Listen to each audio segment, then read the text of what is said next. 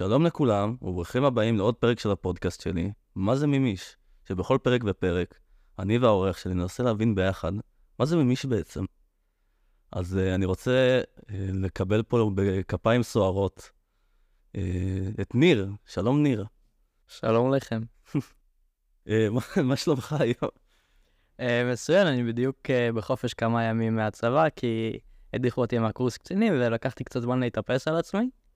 אז היה לי זמן והתגעגעתי ובאתי. העיפו אותך מקורס קצינים, אתה, אתה רשמת על זה משהו בקבוצה, ואז כזה אנשים רשמו, היי, מה, מה קרה בדיוק? ואז פשוט לא הסברת בכלל. אה, לא הסברתי כי הייתי לחוץ רצח על לא לעוף מקורס קצינים. אז uh, היו לי כמה ועדות הדחה שהייתי צריך להתכונן אליהן, ופשוט uh, נעלבתי כי, כי הייתי צריך uh, להבין מה הדברים שקרו, ולמה מעיפים אותי, ומה אני עושה כדי שלא יעיפו אותי. Uh, בסוף, כמו שכולנו יודעים, זה לא עזר. לא? לא, כי אני פה. אחרת, uh, אין, אין, זה הם הומופובים, אני אומר לך. תקשיב, האמת שלא. לא? לא, הפעם לא. הם, זה הגיע לך שהעיפו אותך? כן, קצת הגיע לי, אה, וקצת אמרו לי שדברים שהרגיעו אותי על זה שזה שלא נורא שהעיפו אותי. אמ- אמרו לי ש- שפשוט באתי לא בשל, ושזה לא שאני לא מתאים, אלא שפשוט אני צריך עוד זמן בצבא ואז לחזור. הבנתי. אז יהיה לי עוד קורס. אנחנו ניכנס לזה, אבל לפני זה, אני רוצה אה, לדבר שנייה על כל המעריצים השרופים של הפודקאסט שלי. כי יצא הפודקאסט עכשיו, זה הפרק הראשון שאני מקליט, אחרי שיצא הפודקאסט, העליתי את שלושת הפרקים הראשונים basically ביחד. וכן, אני אגיד שדבר ראשון, תודה רבה לכולם. הרספשן, ל... כאילו, איך שזה התקבל, עלה מעל ומעבר לכל ציפייה שהייתה לי לפני זה. אני מה זה התרגשתי מזה? חשבתי שכאילו אף אחד לא יקשיב, וכאילו יגידו לי, כאילו, ח- מן הסתם, אה, בעיקר הראיתי את זה לחברים, כאילו לחברים וכאלה, אבל ציפיתי שכולם יגידו לי כזה, וואו, איזה מגניב, בהצלחה עם זה, אבל וואלה, אני פחות אוהב פודקאסטים, אז כאילו, אני לא אאזין, שזה בסדר להגיד את זה, כן? אבל מלא אנשים האזינו, והתעניינו, ויש כאילו, יש איזה 100 plays בספוטיפיי עד כה, על כל, הדבר, לכל הפרקים ב- ביחד. וזה מה זה ריגש אותי, וחלק מהאנשים התקשרו, ו... או שלחו לי הודעות ורשמו שהם נורא נהנו, ושהייתה מי שרשמה שהיה לנו נורא אה, נחמד לשמוע מיש... שעוד מישהו מתמודד עם בעיות כמו שדיברתי על זה בפרק 0. וכן, אני רוצה להגיד תודה רבה לכולם, אני נורא מעריך את התמיכה, וכן, תמשיכו להקשיב, אני, אני שמח שאתם אה, מאזינים. עוד אני אגיד ש...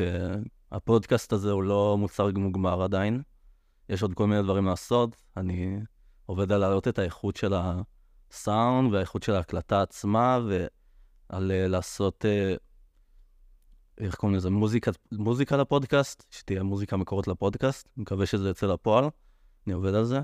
וכן, זהו, תודה רבה לכולם. ועכשיו נחזור לניר. אז רגע, רגע, רגע. אתה מה, אוקיי, בואו בוא נראה זה. מה קרה שהעיפו אותך בקורס קצינים? כן, אני אשמח לשמוע. אז בעצם בקורס קצינים יש המון דברים שקורים באותו זמן, ומה שקרה איתי זה שבמקביל ללוז שהוא מאוד עמוס, ובמקביל למטלות שיש לכולם, גם קיבלתי התנסויות. שההתנסויות זה אומר פשוט אה, להכין משהו בעצמי, שיש לי פרק זמן אה, מסוים לעשות אותו, וזה צריך אה, לבוא מ- מהיכולות שיש לי ומהזמן הפנוי שלי, כדי לעשות איזשהו משהו שמבקשים ממני, ויש יעדים שמבקשים אה, לעמוד בהם. אוקיי, אז נתנו לי שתי התנסויות, אחת מהן הייתה מאוד פשוטה, של לעשות שיעור של 45 דקות על אה, אה, מורשת ישראל, על דברים שקרו, על איך אני מקשר את זה לערכים שאנחנו לומדים אותם. מורה כזה לעשות? אה, לא לא רק, אה, יותר אה, שיעור מורשת ש... שהתחבר ל... לדברים ש... שעברנו באותו שבוע, זה היה שבוע המנהיגות, אז כאילו לדבר על מורשת ישראל בסימן מנהיגות. אוקיי. עכשיו, אני לא מבין כל כך במורשת ישראל. וואלה, אני מופתע מאוד מכל הדבר הזה. כן, אה, גם אותי זה הפתיע לגלות באותו רגע שככה ניסיתי להכין שיעור. אה, אה, ו- ומה שקרה זה שפשוט אה, תוך 24 שעות צריך להיות מוכן עם איזשהו מוצר ולשבת מול המפקדת ולעבור איתה על הדברים האלה, ולא היה לי את זה. וזה משהו שחזר על עצמו עם ההתנסות הבאה, שהיה, שהיה צריך לעשות את זה יותר מפעם אחת, אה, ובאופן כללי שגם היו לי תקלות עם התקשורת עם המפקדים, אה, כל מיני דברים שקצת חזרו על עצמם בכל מיני צורות שונות, ובסופו של דבר אמרו לי שזה דברים ש... אה, שפשוט אם לא מטפלים בהם ואם לא דואגים שזה לא יקרה שוב, אז צריך להתחיל את כל התהליך מההתחלה, כי זה כאילו לא עומד בדרישות של הקצין. Mm, הבנתי אותך. אז ככה פשוט העיפו אותך מהקורס? זה לא כזה פשוט. אה, יש- אותך ועדה בטח ושטויות כאלה. זהו, אז יש ארבע ועדות שעוברים, שזה כזה מתקדם אה, לפי הדרגה של המפקד, קודם הוא מפקדת צוותית, ואז הוא מפקד פלוגתי, מפקדת גדודית, ובסוף מפקד הבה"ד עצמו. מהמם. עכשיו, זה תהליך שהוא אמור לקחת יומיים שלושה, במקרה שלי הוא לקח יום וחצי. אה, הסיבה שזה קרה שפשוט בזמן שהתחילו כל הוועדות, אה, קיבלתי תואר. נסעתי לאוניברסיטה, לבן גוריון, אה, ישנתי אצל חברים, ובבוקר אחרי זה חזרתי. אגב, אני אגיד שאתה עתודאי. כן, עשיתי תואר בביולוגיה באוניברסיטת בן גוריון. למה זכרתי כימיה? אה, לא יודע. לחם, כי אתה קצת מחובר לכימיה, אז אני חושב שאולי בהקשר הזה. יכול להיות. אה, לא, יש עוד מישהו שהוא עתודאי ואני מכיר שהוא עשה כימיה, אז יכול להיות שזה בגלל זה. יכול לא משנה. אה, כן, זה באמת חצי מהתואר הוא בכימיה, אז יכול להיות שזה גם בלבל אותך. אז איפה הייתי? שכן, קיבלתי את התואר, ישנתי אצל חברים בבאר שבע, ובזמן כל הזמן הזה היו את הוועדות הדחה של שאר האנשים שהיו צריכים לעבור את הוועדות האלה. אני אתקן את עצמי רגע, אלה ועדות הערכה. הם לא רוצים להגיד ועדות הדחה, כי אז זה מלחיץ. אה, אנחנו מעריכים שאנחנו עומדים להעיף אותך מפה. פחות זה הוועדה. אמ, אז אה, פשוט יצא שעברתי שלוש דרגות של ועדות בפחות או יותר שעתיים-שלוש. אז מן הסתם לא באתי מוכן, לא ידעתי את הדברים שאני צריך לדעת ולא עברתי על הדברים שהייתי צריך לעבור. ואז גם אה, כשהגעתי למפקד הבא זה כבר היה, הוא ראה את הדברים בצורה הרבה יותר אה, כללית וגדולה. ו- ואמר דברים שבסופו של דבר הסכמתי איתם, ויצאתי מה... משם בטוב. גם אמרתי את זה לכל האנשים שהתעניינו ושאלו מה איתי. אשכרה. אני חייב לומר, כאילו, מה זה אני שמח? אני, אתה יודע כמה אני לא תומך בלצאת לקצונה. בכל, אבל אה, לא, לעתודאים זה הגיוני. אבל כמה זמן עוד יש לך? אתה התגייסת ממש לא מזמן, כאילו, יש לך עוד מלא זמן לחובה. כביכול. כן, התגייסתי בערך בנובמבר, לפני שמונה חודשים פחות או יותר. כן, אז כל עוד זה מספיק, כאילו, כל הקטע בעתודאים זה כאילו לצאת לקצונה כדי לעשות יותר כסף גם, לא? זהו, אז אחד מהיתרונות של לצאת לקצונה זה שזה נותן תוספת לשכר בזמן הקבע. כלומר, זה שלא עשיתי את זה כרגע לא באמת מפריע לי מהבחינה של השכר אחר כך, כי זה לא ישפיע בכל מקרה עד 2025. כן. כל עוד תעשה את זה בז- בזמן השירות, אז שיזיינו. כן, יש, יש לזה יתרונות אחרים של להתחיל תואר שני בלי שזה יהיה על הראש שלי ו, ודברים כאלה, אבל באמת זה ממש לא סוף העולם ש, שהודחתי. הוערכתי. הוארכת? בוודאי.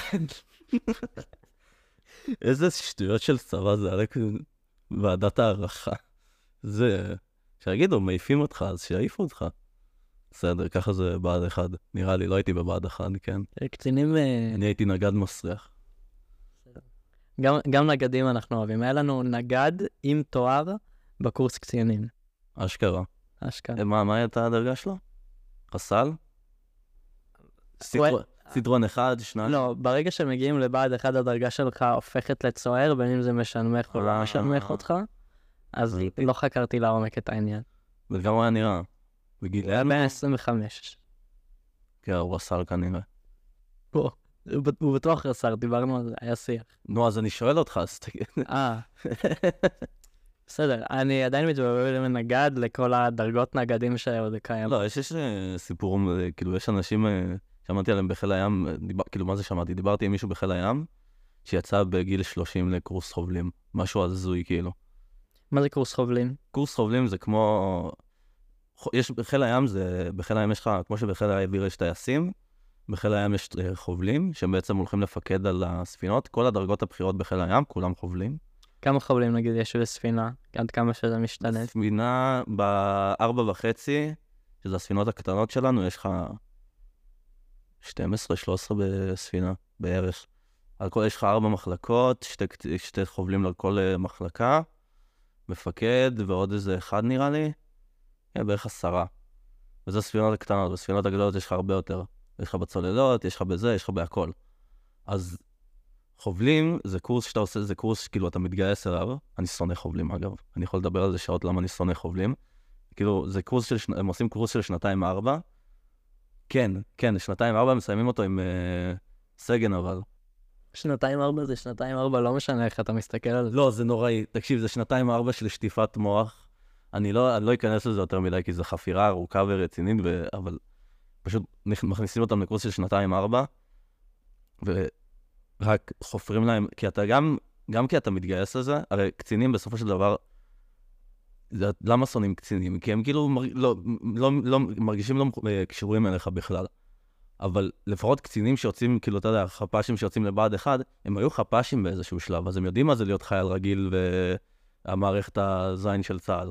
חובלים, אין להם את זה.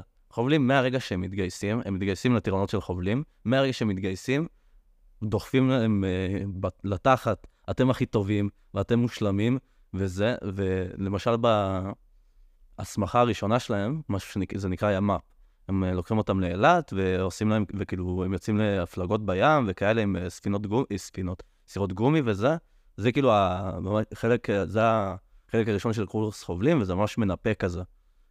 להעיף אנשים שלא מתאימים. ויש לי חבר שהוא כאילו אה, נדב, הוא היה בפרק 2. אתה זוכר את נדבי אגב? יצא לך לפגוש אותו? הוא היה בימי הולדת של יואב. אני אמור לזכור את נדב. אתה לא זוכר את נדב, הכל בסדר. בכל מקרה, נדבי, הוא היה איתי גם, הוא היה איתי בבסיס. אני הרי, אני שירתתי בבה"ד חיל הים, שם עושים את ההסמכה של החובלים. ונדבי, הוא היה במקום שנקרא בימל מנועים. שהם אה, מטפלים שם במנועים של הסירות גומי. וכי עושים את זה, משתמשים בזה מלא להסמכות וכאלה. וכל פעם שולחים מישהו אחר לאילת, מהבימ"ן שלהם, כדי שיטפל במנועים באילת, כי הם משתמשים בסירות גומי באילת. והוא אמר לי שהוא שמע שם, יש להם את המפקד של, ה, של הימ"פ, אומר לכל החובלים הצעירים, אתם חובלים, אתם לא אומרים סליחה, אתם לא מתנצלים על כלום, אתם אה, זה, אתם אף, כאילו, אסור לכם להתנצל, אסור לכם להגיד סליחה, אתם תמיד צודקים ו shit כזה. לא, כאילו, לא, כאילו, הוא לא הגזים את זה גם, זה legit מה שהוא אומר להם. אז כמו לקוח תמיד צודק, אבל. פעמים חובל. מה, מה? כמו הלקוח תמיד צודק, רק שהם החובלים והם... והם תמיד צודקים. זה פשוט קורס, אני באמת, אני לא חושב שאי פעם פגשתי חובל שאהבתי. לא, יש, כאילו אפשר לספור אותם על יד אחת, חובלים שזה... גם החובלים שהם נראים לך סבבה, הם אף פעם הם לא סבבה. יש לך, המפקד שלי, וואו, אני נכנס לזה יותר מדי. אני אגיד עוד משהו ואני אסיים עם הקטע של החובלים, כי אני, אני אתעצבן ואני אדבר על זה חצי שעה, ו... לא לשם זה את זה. התכנס. ואני, כן, ולא לשם זה הת- התכנסנו. המפקד של ה... המפקד שלי, הרב סרן שלי בקבע, אה, הוא היה חובל גם. הוא היה, כאילו, חובל. הוא היה, הוא חובל, הוא רב סרן, והוא היה ממש נחמד אליי כשאני נכנסתי. אתה יודע, גם באתי אליו עם הסיפור אה, חיים העצוב שלי, עזבתי את הבית, חייל בודד, כל השיט הזה. והוא אמר לי, כן, ואנחנו פה בשבילך, ואמרתי לו, שמע, אני מאוד מנסה כאילו, לא שיש לי, אין לי כסף אה, אה, כרגע, אבל אני נורא מנסה לחסוך וזה, כי אין לי גב כלכלי ודברים כאלה. עכשיו, יום אחד הייתי צריך להגיע נורא מוקדם לבסיס, באתי לבסיס, עכשיו, וזה קרה, כאילו, אני אגיד את זה, זה לא, לא אמרתי לא את זה, אבל זה מה שקרה. אני הייתי בעל בית לבסיס כל יום. מבית החייל הייתי ישן בבית החייל, וזה אסור ממש, כאילו. כי אתה כאילו לנסוע בתחבורה ציבור- ציבורית על בית וכאלה. מה הנסיעה מבית החייל לבסיס? חמש דקות באוטובוס. ויום אחד אז אני יורד בתחנה ליד הבסיס, ואז יש לך איזה שתי דקות הליכה לבסיס, בכביש כזה, ואני, ואני הולך בבוקר, זה היה גם מוקדם יותר ממה שאני מגיע בדרך כלל, והוא פתאום עוצר לידי. עכשיו, הוא עצר לי לידי מנחמדות, כזה אמר, אה, בוא, אני אכניס אותך לבסיס. כי יש עוד הליכה, כאילו. אמרתי לו, סבבה, נכנסתי לאוטו, ואז הוא שואל אותי, רגע, למה אתה על ב'? כזה, אה, "מ, מעניין מאוד. עכשיו, הוא התחיל להתעצבן עליי. אמר לי, אני אדבר איתך על זה יותר מאוחר, זה לא סבבה בכלל. עבר אה, סבבה, זה, דיברתי עם המפקד שלי, אז זה, עליתי משפט. עכשיו, שוב, אמר, הוא, הוא יודע על כל המצב שלי, המצב הכלכלי, על המצב uh, המשפחתי שלי, על זה שאני גר לבד וכאלה. והוא הכניס אותי למשפט, לפני, כאילו לפני המשפט, הוא אמר לי, בוא, כנס רגע, אני רוצה לשבת שנדבר רגע. אמר לי, שמע, אני באמת, אני מת עליך, אתה חייל מעולה, ואתה נגד מעולה, ואני נורא מרוצה ממה שאתה עושה בתפקיד. וממש הפריע לי לראות את זה, כי אני נורא, כאילו, את הטעות הזאת שעשית. אמרתי לו, כן, אני באמת אני מצטער, זה לא יקרה שוב, זה היה מרגע של חוסר מחשבה, זה באמת היה טעות, זה לא משהו שיקרה שוב אף פעם. עזוב שכל פעם, כל בוקר נכנסתי לבסיס, אבל הוא קצין ואני... אין, והוא חובל, אז אני, אני לא מרגיש רע לשקר לחובלים. ואתה יודע, נורא זה, והייתה שיחה ממש טובה, אמרתי, יופי, יאללה, ניכנס לו ב... למשפט ויהיה בסדר. ואה, ולפני זה גם דיברתי עם אחד הנגדים ה... בפלגה שלנו, והוא אמר לי, שמע, worst case, 500 שקל הוא מביא לך. אם הוא ממש כאילו בא... אה, אה, זה, ואמרתי, טוב, בטח הוא יביא לי 200 שקל, 300 שקל. ואז הייתה את השיחה, אמרתי, טוב, בטח הוא יוותר לי, כאילו, שיביא לי משהו לא נורא. 500 שקל. הביא לי את המקסימום סנטנס שהוא רצה להביא לי. 500 שקל. זה, זה עשירית מהמשכורת שלי, כאילו, בקבע. הזוי.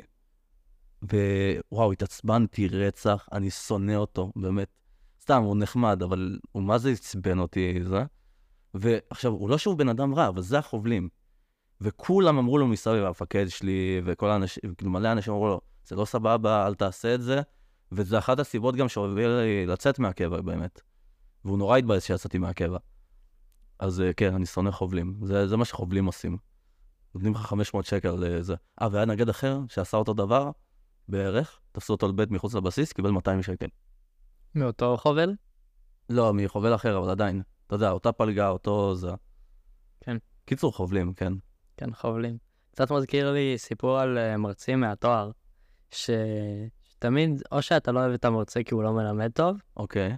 או שהוא מאחר לשיעורים ולא מסתדר עם הסטודנטים או משהו כזה, או Mm-hmm. שהוא תמיד חמוד, תמיד נחמד, הוא שם לך מוזיקה בש... אה, בהפסקות, הוא, הוא מאוד רואה את כולם, הוא מאוד נחמד, ואז מגיע המבחן. אוקיי. Uh, במבחן הוא... Uh, הוא... הוא יודע מה הוא לימד אותך, הוא יודע מה אתה אמור לדעת, הוא יודע כמה זמן היה לך ללמוד למבחן, והוא נכנס בך, הוא, הוא רוצה ש, שתצא ברמה גבוהה, והוא לוקח את זה לרמה של הדברים שהיית צריך לדעת במהלך הקורס, התרגילים שהיית צריך לעשות, Mm-hmm. בשיא העוצמה. כל החומר בבת אחת, בזמן מוגבל, על דברים אה, נקודתיים שאם אם לא הקשבת רגע בשיעור, או לא אם היית על זה ב-100%, אין לך מצב לפתור את השאלה. הבנתי. ואז, ואז מגיע הפקטור, הפקטור, שזה אומר שהוא רואה את הציונים הסופיים, הוא רואה כמה נכשלו, בהתאם למבחן, היה לדוגמה שני שליש נכשלים בקורס, Mm-hmm. ובשנה הראשונה הוא ראה את זה. זה היה אחרי הקורונה. היה אחרי... התחלנו ללמוד בזום, היה קשה, הרבה לא הצליחו. היה הפרש של 20 נקודות בין השנה הזאת לשנה שעברה. אז הוא אמר, אוקיי, והביא 20 נקודות פקטור לכולם. כולם גילו בונוס 20 נקודות למועד א'. זה מלא. זה מלא. שליש... אה, זה עבר משני שליש נכשלים לשליש נכשלים. במועד א'. אחרי זה היה 20 בונוס נקודות. כן. עד כדי ככה המבחן היה קשה. כן, המבחן היה מאוד קשה.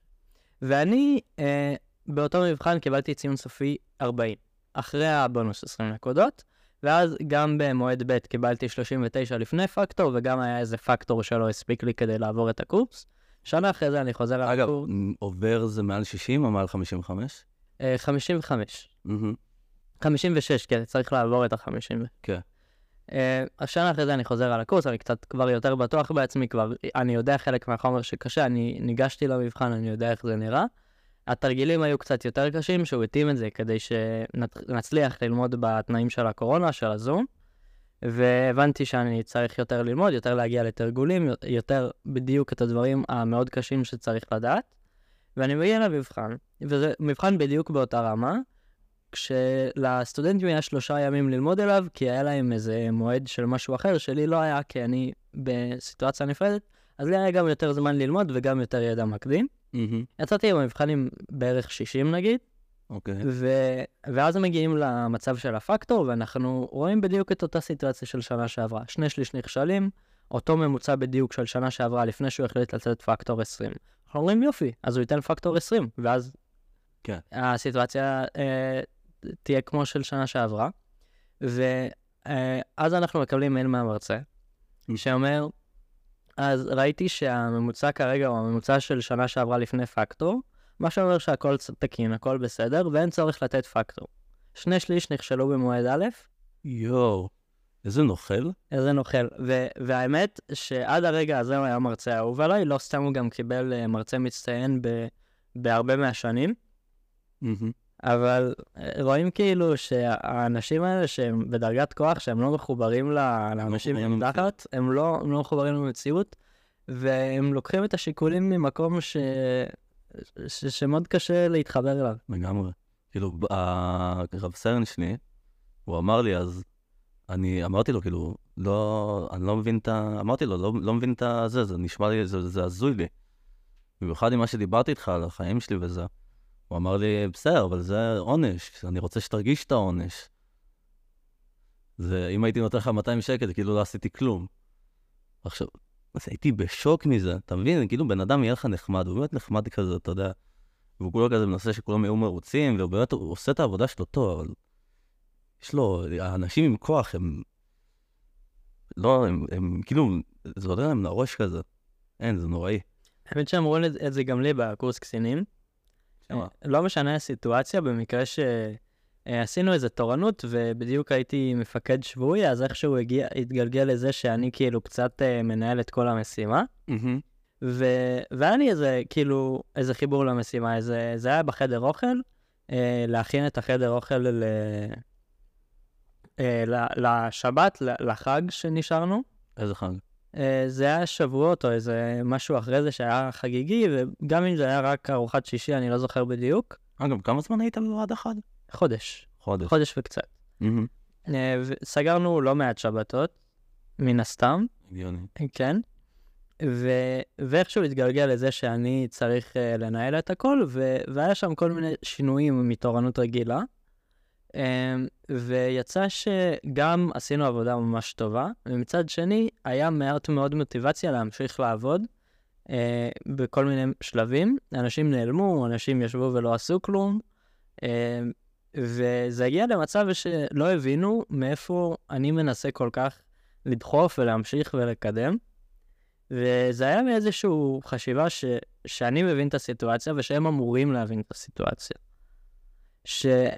שכאילו רציתי שיהיה, שהמשימה תעבור, שתעשה את המשימה כמו שצריך. רציתי שהמשימה תהיה כמו שצריך, אבל לא סתם כי זאת משימה, אלא כי זאת משימה שהמשמעות שלה אחר כך זה איך יהיה החדר אוכל של כל הפלוגה אחר כך, של Mm. כל האנשים שסוגרים שבת, ו- ופשוט רציתי שיהיה טוב, ו- ואנשים לא, לא היו באותו ראש איתי. אנשים היו בראש של, קמנו ממש ממש מוקדם בבוקר, היינו על ממש מעט שעות שינה. הם היו בראש של, אוקיי, אנחנו, אין לנו איזה גול סופי, אין לנו תוצר סופי שמצפים מאיתנו, וגם כבר אמרו לנו שעשינו עבודה טובה. אז בואו לא נעשה כלום. אנשים עזבו את התורנות, וואו. אה, פשוט כי אה, קראו לי בדיוק לשיחה עם המפקד פלוגה, כי ראו כבר שם, בערך באותה תקופה, שהתפקוד שלי קצת לקוי, ורצו להזהיר אותי שאם אני לא מתאפס על עצמי, אז אה, אני עלול לה- אה, להתקדם הלאה לוועדות הערכה. לא בדיוק אמרו את זה ככה, אבל כן אה, אמרו לי שיש אה, דברים שאני צריך לשנות. ואז בדיוק כשהלכתי לשיחה הזאת, הגעתי ל, ל, לעמוד מ- מחוץ לדלת של המפקד. אני רואה שניים מהאנשים שאמורים להיות בתורנות לעוד חצי שעה לפחות, פשוט הולכים לידי. אני שואל אותם כאילו, למה אתם פה? ואז הם הרגישו רע, כי הם יודעים שהם אמורים להיות בתורנות, ו... אבל חצי מהאנשים הלכו, והם כאילו, מה הם יעשו? כי גם ככה אני היחיד שראה מה אנחנו צריכים לעשות. זה היה מאוד לא נעים. אה, הם גם הרגישו לא נעים ו... ואמרו לי שהם חוזרים לשם אחר כך. אני מניח שהם לא חזרו לשם. הגיוני. איזה נוכלים. מה, ו... אבל יצא בסוף טוב כל הדבר הזה, או ש... Uh, בסוף כן, יצא טוב, יכל לצאת יותר טוב, יכל לצאת פחות טוב, אבל לא היו תלונות, לא באמת ציפו למשהו ספציפי שהיה רצית צריך לקרות. אתה רצית שזה יהיה... אני רציתי ש... שיהיה יפה, כי כולם עומדים לחוות את זה בסופו של דבר. בדיוק. טוב, מה אני אגיד לך? חרא על בה"ד 1, באמת. אני לא מבין למה, כאילו, אם אתה לא עתודאי, אני לא מבין למה אנשים עושים את זה. איזה התחייבות מוזרה זאת. האמת שאני מאוד אוהב את האנשים שעושים את זה. ולא בגלל שהם עתודאים. כן, למה? כן, זה בהתחלה, בשבוע סף, אה, שזה כמה ימים שכזה בודקים שאתה עובר את הציפיות של הכושר גופני ושל הידע ושל המבחנים. אז uh, הייתי בצוות אחר, uh, לא בצוות שנשארתי בו, והיו שם בעיקר את האנשים האלה, אנשים שאני קורא להם מלח הארץ כביכול, שבאו כי הם רוצים להישאר בצבא, כי הם רוצים להחליף תפקיד, כי הם רוצים לשנות, הם רוצים להשפיע, וזה הדרך שלהם בתוך הצבא. אמ, ואתה ממש רואה שזה, שזה אנשים ש, שכיף להתחבר אליהם. אה, בדוק, כן, אני, אני בטוח שאנשים שהולכים לבה"ד, לבה"ד 1 ולקצונה הם אחלה אנשים, רוב הזמן. יש גם כאלה פחות טובים.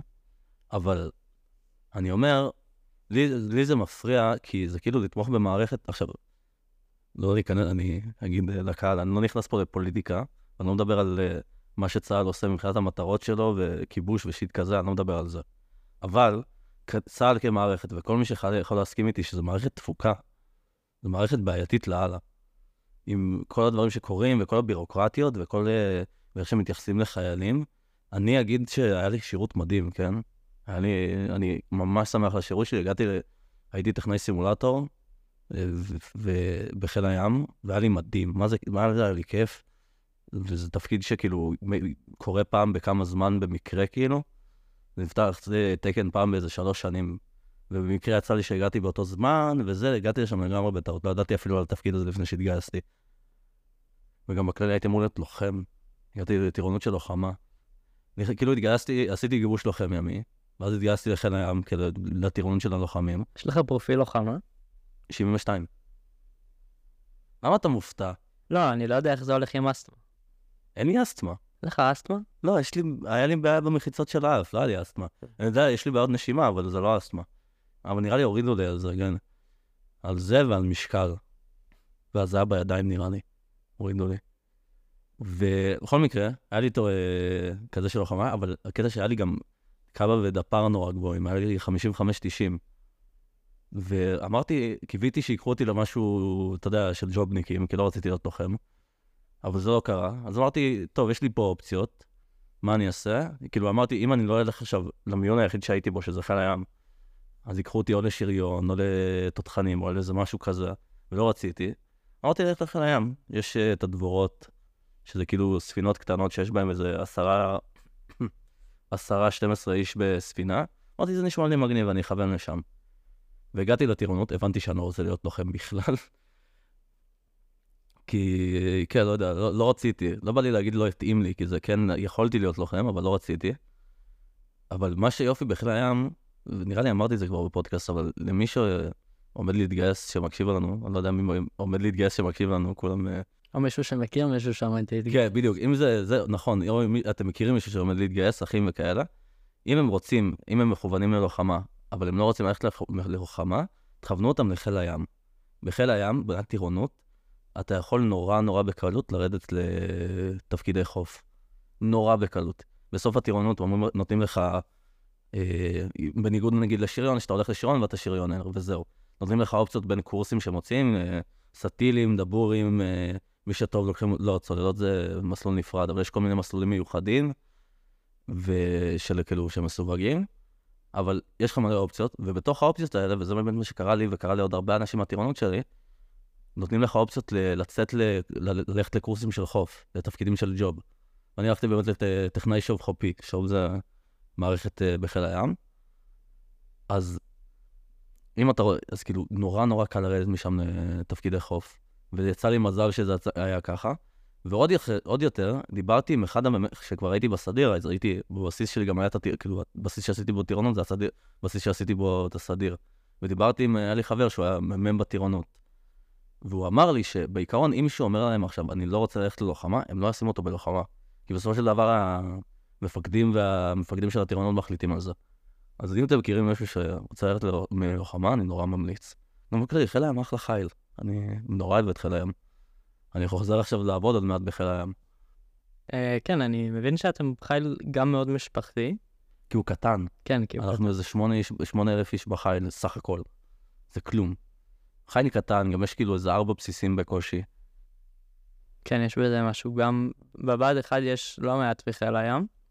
ו- ואתה רואה שהאנשים האלה מאוד מגובשים, ואנשים מאוד טובים, מאוד התחברתי. כן, אני נורא אוהב את חיל הים. של חיל הים. יש משהו בזה, גם אני הגעתי ספציפית למקום מדהים. אני, כאילו, אני באמת, אני אמרתי את זה כבר, אבל נורא נורא שמח לשירות שלי. אני הייתי טכנאי סימולטור, סיפרתי לך על זה פעם? מה עשיתי בדיוק בשירות?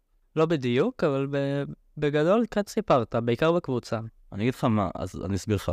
אני רוצה גם להסביר לפודקאסט, כי אתה מבין שאתה, אני אומר את זה, כי כשאתה מקליט פודקאסט, אז אני, אני אומר לך דברים, ועכשיו בוא, אנחנו מכירים כבר, אז אתה יודע את הדברים האלה, אבל הם לא יודעים את זה. אז אה, זה, אמרתי את זה להדר גם בפרק הקודם, שתקשיב לה, שכאילו תדבר גם לדיונגלסקוג, כי הוא לא באמת יודע. לדיונגלסקוג, הדוב שלנו. אמ, כנסו לאינסטגרם שלי, תראו אותו בתמונה. בכל מקרה, אז אני הייתי בחיל, בטכנאי סימולטור, הגעתי לתפקיד הזה במקרה. עכשיו, זה תפקיד של בעצם, זה אתה, יש אה, בבה"ד כל מיני, כמה סימולטורים של כל מיני מערכות, ועל כל סימולטור שמים טכנאי אחד. אז אני הייתי בסימולטור הגנה, שמדמה את המערכות הגנה של הספינה, זה להיות טכנאי מחשבים וזה. עכשיו, אתה מגיע למתקן, לסימולטור, זה בן אחד, אני, ועוד 20 בנות. ובנות כאילו, אתה יודע, לא. אה, בנות כולם כזה נורא, אתה יודע, זה, יש להם מיונים- מיונים נורא קשים, המיונים למאמנות סימולטור בחיל הים הם יותר קשים, מה, יותר מסננים מהמיונים של חובלים. כאילו מספרית זה, זה עובדתי כאילו. וואי, והיה מה זה כיף. זה כאילו, גם לעבוד עם הבנות, כי כולם כזה איכותיות וזה. וכול... קיצור, כן, היה ממש נחמד. לא יודע אם אני רוצה להיכנס עכשיו לכל מיני סיפורים מהשירות, כי יש לי יותר מדי, אבל היה ממש כיף. והיה לנו צוות מגניב. אני מה זה מתגעגע לשירות שלי? אני נורא רציתי, אתה יודע, אני נורא רציתי להישאר בקבע, בפלגה, והייתי, אם היו מציעים, אבל כאילו, פשוט לא הציעו לי את זה. כי לא היה תקנים, זה היה מה זה באסה. וזה מצחיק, כי כשעזבתי, ראיתי איך הכל הלך לפח, כאילו. המצב שם עכשיו נוראי, באמת. עכשיו זה כאילו יותר טוב, כי הבעיה הייתה שהיינו שלושה טכנאים בצוות. כי יש לך, לכל מתקן יש לך זה, ובדרך כלל מה שקרה לפנינו, בדורות הקודמים של טכנאים, זה שכל טכנאי היה במתקן שלו ולא היה ביניהם יותר מדי קשר. כל אחד היה ישן בחדר אחר, והם היו נורא מפוזרים. וכאילו לפעמים כזה מדברים, אבל לא היה ביניהם קשר. אבל כשאנחנו הגענו, בדיוק עשו גם, איבדו את כל הסימולטורים במקום לפלגות שונות, כי יש כל מיני פלגות בבסיס, פלגת סטיל, פלגת דילבורים, פלגת זה, אז איגדו את כל, את כל הסימולטורים לפלגה אחת, ועל הדרך גם איגדו אותנו כטכנאים ליחידה אחת. וזה מה זה היה כיף, כאילו היינו צוות של שלושה אנשים, עשינו הכל ביחד, ישנו ביחד ואכלנו ביחד ו- ו- והתקלחנו ביחד, והכל ביחד, ועבדנו על תקלות ביחד, ומה באתי להגיד? אז כן, זה היה ממש מגניב. אה, ו... לא, שכחתי מה לעבוד, היה לי פואנטה, שכחתי אותה. אבל כן, היה ממש כיף בחיל הים. אם יש לכם, אה, שוב, אם יש לכם אחים שזה, תמשכחו אותם לחיל הים, זה מגניב. חו, חו, חו. חו. קיצור, אה, אתה יודע, רציתי לשאול אותך משהו. אני רוצה להעלות את זה לפודקאסט, כי אני חושב שזה יהיה מעניין לדבר על זה. אתה יצאת מהארון ב-1 באפריל כן, ב-1 לאפריל 2018. 2018. מה, זה 18? 2018. הייתי בטוח שזה 2017. לא, אני הייתי בן 17, אז זה מבלבל. לא, כי אני זוכר, ואמרתי את זה גם בפרק הקודם, ולא נתתי מספיק קונטקסט. אבל אני נפרדתי ממאיה ביום שאתם יצאתם, ב- ביום שאתה יצאת מהארון, לא ביום שאתה ומאיה יצאתם, לא יום לפני? אותו יום. היינו בכנרת, הזמנתי אותה, עשינו איזה משהו, כל המשפחה שלי בכנרת והזמנו אותה, הזמנתי אותה, ואז נפרדנו שם, שזה היה נורא כיף, כי אז זה גם היה לנו לנסוע את כל הדרך לפדי ביחד, וגם אה, להיות יומיים ביחד ב... בזה, של, אה, בזה שנפגשנו. טוב, מזל שפדי גר קרוב לכנרת. כן, לא, אבל עדיין להגיע לשם זה... וואי, זה היה נוראי, אני לא אשכח את זה. באמת אני לא יודע הרבה על מה שקרה שם. מה, ביני לבין מאיה? אמ, לא קרה כאילו, התחלנו לצאת. עכשיו, אני אגיד לך למה זה לא עבד בסופו של דבר, לדעתי. כי, דבר ראשון, אני הייתי ילד קטן ומטומטם, ולא הבנתי מה, מה זה אומר להיות בזוגיות. וגם, כן, לא, לא ידעתי לדבר איתה, כי לא היינו, לפעמים הייתי מתקשר אליה. בהתחלה היינו מתקשרים והייתי מדבר איתה והיה כיף. אבל לאט לאט זה נהיה, אני מתקשר אליה ואין לי מה להגיד, ואז פשוט יושבים ושותקים, ואז כאילו, מה, מה אנחנו עושים פה בעצם? שוב, כי הייתי ילד קטן ומטומטם, ואני לא יודע איך, למה יצאה איתי, אני אומר לך באמת, הייתי מתלבש כמו זבל. הייתי, לא היה לי, היה לי אפס חופש אופנה. וכאילו, אני לא יודע, ואתה יודע, זה כאילו היה, לא יודע איך היא הסתכלה עליי ואמרה, וואו, זה נראה, כאילו, נראה סבבה, אני לא מבין את זה. אבל אה, כן, הייתי ילד, הייתי מטומטם, ולא ידעתי איך להתמודד עם כל הדבר הזה. היה כיף, היה נחמד, כן, אבל אה, אני זוכר מהצד שהייתה לכם כימיה מצוינת. עדיין יש לנו כימיה מצוינת, אני מת על מאיה. כן, אבל... אה, לא, זה לא עבד באותה תקופה, ובצדק. זה לא שזה קרה עדיין, כמובן. יותר ממה שקרה אחרי זה, זה נורא בעייתי. חרא על מאיה. כן, חרא על מאיה. בוא, בסופו של דבר, כל הדבר הזה של אה, לשלוח, שהייתי... הרי אני, אני, אני אגיד שאני, מדי- כל פעם שאני שיכור, וזה משהו שאני עושה מאז שנפרדתי ממאיה, ב-2018, בראשון שמאיה נפרדה ממני, סליחה. אז אני- כל פעם שאני שיכור, אני מקליט הקלטה לקבוצה ורוש- ואומר בסוף זין על מאיה. כי זה, עד היום, זה, היום זה כבר מצחיק אבל. היום זה נהיה מסורת. כן, היום זה נהיה מסורת, היא הצטרפה אליי אפילו פעם אחת להקלטה כזאת. פעם אחת? אפילו פעמיים. בדרך כלל, לא, בדרך כלל פשוט זה אני לבד, אבל uh, בעיקר מה שקרה אחרי זה, ואני באמת, אני מצטער, אני מצטער בשביל זה לכל החיים שלי, כי זה היה ממש לא יפה. אבל uh, הייתי סופר מניאק אליה אחרי זה, זו הייתה הבעיה, כי לא... שוב, לא הבנתי איך להתמודד עם כל הסיטואציה הזאת. היה לי מין, מרוב uh, להיות ילד נורא כלוא בסדרות טלוויזיה וביוטיוב ובזה, אז היה לי מין uh, תפיסה נורא מוזרה של החיים. ואתה יודע, ראיתי, אתה יודע, בסדרות, חברים, ו- והנשיקה מושלמת כזה, ואהבת, ח- ואהבה ראש, ממבט ראשון, וכל איש כזה. ואמרתי, וואו, כאילו, אה, החזקתי אותה בפדסט, שמתי אותה כזה על פדסטל נורא גבוה כזה. וזה נורא, וכאילו, זה גם אחת הסיבות שזה נגמר, אבל כשזה נגמר, זה שבר אותי, כאילו, באמת. ואני מרגיש נורא אידיוט שאני אומר את זה עכשיו, כי בוא, זה, זה מטומטם רצח. כולה יצאנו חודשיים וחצי. אני חושב ש... שזה... שידענו את זה, אבל בלי קשר, זה לא שיצאתם חודשיים וחצי, זה שהכרתם כמה שנים לפני? לא הרבה. לא הרבה. לפחות שנה. פחות. יותר? הייתם בחו"ל, היינו בחו"ל, כשהיינו בחו"ל כבר היינו ביחד. אנחנו נפרדנו בערך חודש אחרי שהיינו בחו"ל, שהיינו בשוויץ. אז ממתי אתה. מכיר את מאיה? את מאיה אני מכיר מחנו כריסמס, שאני לא אכנס לזה יותר מדי, כי דיברתי על זה נרחבות בפרק הקודם, אבל מאיה אני מכיר אותה, כן, מהחנו כריסמס. פלי אמר, אה, וואי, יש איזה מישהי מהכיתה שלנו, מגניבה, בוא נוסיף אותה גם. מאיה. ודרך זה הכרתי אותה. כשהכרנו, היא עוד הייתה עם אה, נועם, נועם. כן, נועם. אבל היא הייתה עם uh, בן זוג שלה באותו זמן, אני שוכח לו להגיד שמות. אותו דבר כמו בפרק קודם. אבל אני, uh, היא הייתה עם הבן זוג שלה שהיה היה לה באותו זמן. ו... וכאילו ראינו, ראינו שזה עומד להיגמר, והיא ידעה שזה, כי זה היה נורא טוקסיק ולא סבבה. ואני לא אפרט על זה יותר מדי, אולי בפרק שלה אני אכנס לזה. אבל אחרי זה שהיא נפרדה ממנו, אמרתי, יש, זו ההזדמנות שלי. ואז היא התחילה לצאת עם עוד מישהו, אז אמרתי, אז fuck. ואז אני לא אשכח, הייתי ב... בשנה החדשה זה היה נראה לי. כן, כן, בשנה החדשה. ידעתי, ש... חשבתי שיש לה חבר, והעלתה סטורי בשנה החדשה, שהיא יושבת שותה כוס יין לבד. ואני אמרתי כזה, רגע, רגע, יש פה איזה עניין. ואז אה, זה, ניסיתי להתחיל, ואז אה, באמת התחלתי איתה ביום הולדת של יואב. בזה, אתה זוכר את היום הולדת הזאת? לא. אני זוכר שזה היה אחד הפעמים היה- הראשונות שנפגשנו בתור קבוצה. לא, אני לא בטוח לגבי, לא, לא. אולי זה היה בהפרש של שנה. היה, היה, היה, כאילו היינו כבר כקבוצה, אבל עשינו יום הולדת בבית חוף בשבי ציון, וניסיתי להתחיל איתה, אבל בתור ילד קטן ומטומטם, אה, בדיוק נגמר הסוללה במחשב, אז היה פה קאט, כנראה. כזה קשה לי להאמין שהשארתי את זה וזה, אבל בואו נחזור לאיפה שהיינו. מה באתי להגיד? על מאיה. אה, היה את היום הולדת הבית חוף. הבית חוף, היה את היום הולדת של יואב בבית חוף. ובאתי לשם, וגם אמרתי ליואב לפני, באתי לשם במטרה להתחיל איתה ולהתחיל איתה. והוא אמר לי, סבבה, זהו, גם היה ווינגמן שלי, היה אחלה ווינגמן. וישבנו, וממש דיברנו כזה כל הערב, היה מגניב.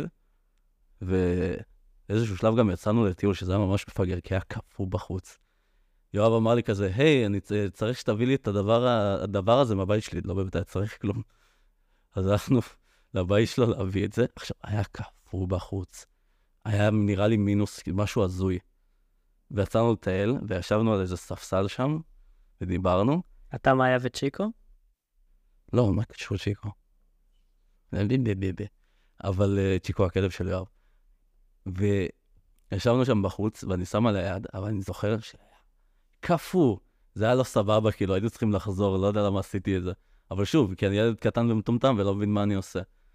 אז, קיצור, בסופו של דבר בערב הזה, הייתי בטוח שכאילו פיקששתי את זה לגמרי, ושהיא לא זה, בגלל שישבנו, כאילו, והיא הייתה נורא מרוחקת, אבל שוב, היה קפוא, זה כנראה למה. אבל הרגשתי שפיקששתי את זה, וזה הלך לפח, ויואב, ובאתי לדבר עם יואב, וכולי כזה, הייתי עצוב. ואז, אה, והיא, והיא כאילו הייתה ממש בעניין, אגב, באותו זמן. היא כאילו, ממש נרדמתי, והיא באה להירדם לידי כזה, כאילו, באה לישון לידי, לא, בח... לא, כאילו, לא, לא באתי לידי, באה לידי, וזה. ולא הבנתי כאילו שום דבר מזה, הייתי בטוח שפיקששתי את זה לגמרי. אבל אחרי זה דיברנו, ואז התחלנו לצאת. ומש... ואני אני קצת, לא נעים לי להגיד, אבל אני זוכר את התאריך גם ב-17 בינואר.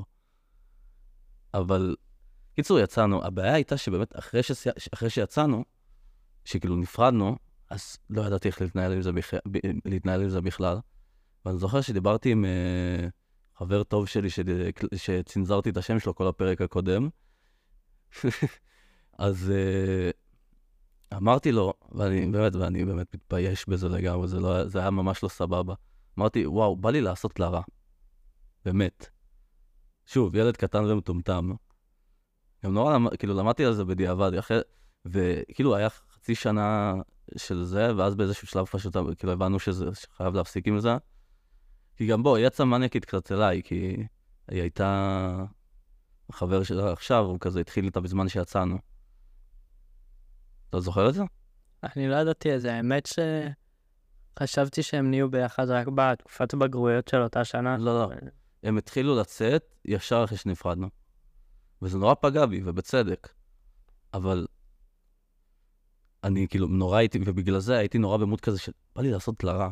היא רעה, והיא זה, והיא מניאקית, ואני, ואני מושלם, ולא הבנתי שזה, שאני אידיוט ושזה אמור להיגמר לפני. וזה אמור להיגמר בכל מקרה, בלי קשר אליו. ואני נורא שמח בשביל, בשבילם עכשיו עם אה, זה. למרות שעדיין נראה לי הוא לא אוהב אותי. ובצדק. אה. ובכל מקרה, מה באתי להגיד? אה, אז אחרי איזה חצי שנה, ישבנו, היינו ב...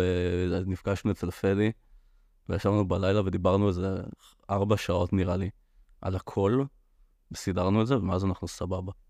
ואני מת על מאיה, מאיה אחלה. וכאילו בוא, בסופו של דבר נהיינו ביחד כי היה לנו חיבור uh, נחמד ביחד, כי אנחנו, זה וזה, כי אנחנו חברים טובים בכל מקרה. אז uh, כן, זה מה שקרה עם מאיה. ולמה אמרתי את זה? אה, כי באותו יום שנפר... שנפרדנו, אתה יצאת מהארון ב-1 באפריל, וכולנו אמרנו לך, ואתה באת ואמרת מול כולם, ואמרת את זה, וכל הבנות האלה כזה, וואו, ניר, איך אנחנו אוהבות אותך, אנחנו תומכות בך וזה, וכולנו, כל הבנים היינו בבת, וכאילו, בפה אחד, אנחנו לא מאמינים לך. לא האמנו לך בכלל. אני לא זוכר את זה ככה. מה, איך אתה זוכר את זה? אני זוכר שאיך שסיימתי לדבר, והייתי חמוד ומרגש ו- ומקסים, ומאוד השקעתי בנאום שלי. כמו תמיד. לא, לא כמו תמיד, בדרך כלל אני פחות משקיע, שאר הדברים אולי. לא, אתה תמיד חמוד ומרגש ומקסים. אוקיי, אני מוכן לקבל את זה. ו... ואני זוכר שאיך שסיימתי לדבר, כל הבנות קמו, וזה נורא הפתיע אותי, וכולם באו לחבק אותי, ואז כל הבנות חזרו והתיישבו, ואז כל הבנים קמו ובאו לחבק אותי. הרבה, הרבה איילייט, הרבה יותר טוב מאותו ערב, כדי שתפסתם מלגת הגיח. ואז כמה דקות אחרי זה, לחם, היחיד שהעלה את זה, שהיום הראשון באפריל, וכולם עשו לו, מה פתאום, אתה מדבר שטויות, למה שהוא יעשה את זה, אין סיבה וזה, והוא נורא נורא התעקש. ואז בחצות, ב-0-0, כשהתחלף התאריך והוא עשה לי, ניר, כבר לא הראשון באפריל, אתה עדיין הומו. נכון, נכון. לא, כי יואב, אתה, אתה מכיר את יואב, הוא תמיד מספר סיפורים, הוא אומר, סיפור, יש את הסיפור שקרה, ואז יש אותו מוקצן, כמו שיואב מספר, כי הוא מגזים כדי שיהיה מעניין. כן.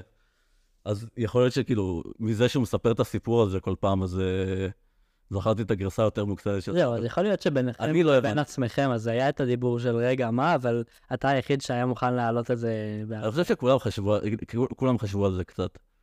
אבל uh, אני חושב שגם חשבתי על זה, כי גם, כאילו, מאיה נפרדה ממני, ואמרתי, רגע, את עובדת עליי? כאילו, לא אמרתי את זה, אבל חשבתי את זה כי זה מצחיק. אבל, אבל בתכלס ידעתי שזה נגמר. אז בהקשר של אותו יום, יש שני דברים שאני לא יודע כמה, כמה סיפרתי אותם. Uh, הדבר הראשון, קצת אתנחתא. Uh, ידעתי שהראשון לאפריל, אז הבאתי משהו אחר כדי לעבוד על מישהו באותו יום, כדי שזה לא יהיה הדבר של 1 באפריל שעשיתי. אז מה שעשיתי באותו יום זה מתישהו uh, קמתי לשירותים, ומאיה ישבה לידי בפוך, אוקיי. ושמתי לידה בובה של לטאה שנראית מאוד מאוד מאוד אמיתית. והיא נשענה עליה, כי בדיוק קמתי והיה לה מקום להישען. ואז מהשירותים פתאום שמעתי צרחה של מאיה שקלטה שהיא יושבת על לטאה. ואז זהו, אז דאגתי שזה לא באמת יהיה המתיחה שלי של 1 באפריל. ודבר שני, זה... אה, זה לא, עשית את זה כדי ש... אני חושב שזו טקטיקה יפה. זהו. אבל למה לא פשוט יצאת בשני באפריל מהאור? אז אני מדבר לך. נו. אז uh, האמת שרציתי להעלות את זה כבר uh, מפגש או שתיים אחורה, ופשוט uh, כל פעם השתפנתי או לא את הזמן או המילים. ובאותה פגישה גם ממש עשינו קטע כזה שכל אחד שרוצה פשוט נואם.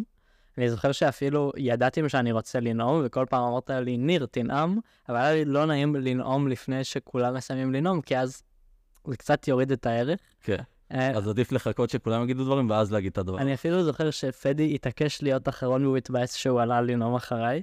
הוא אמר את זה.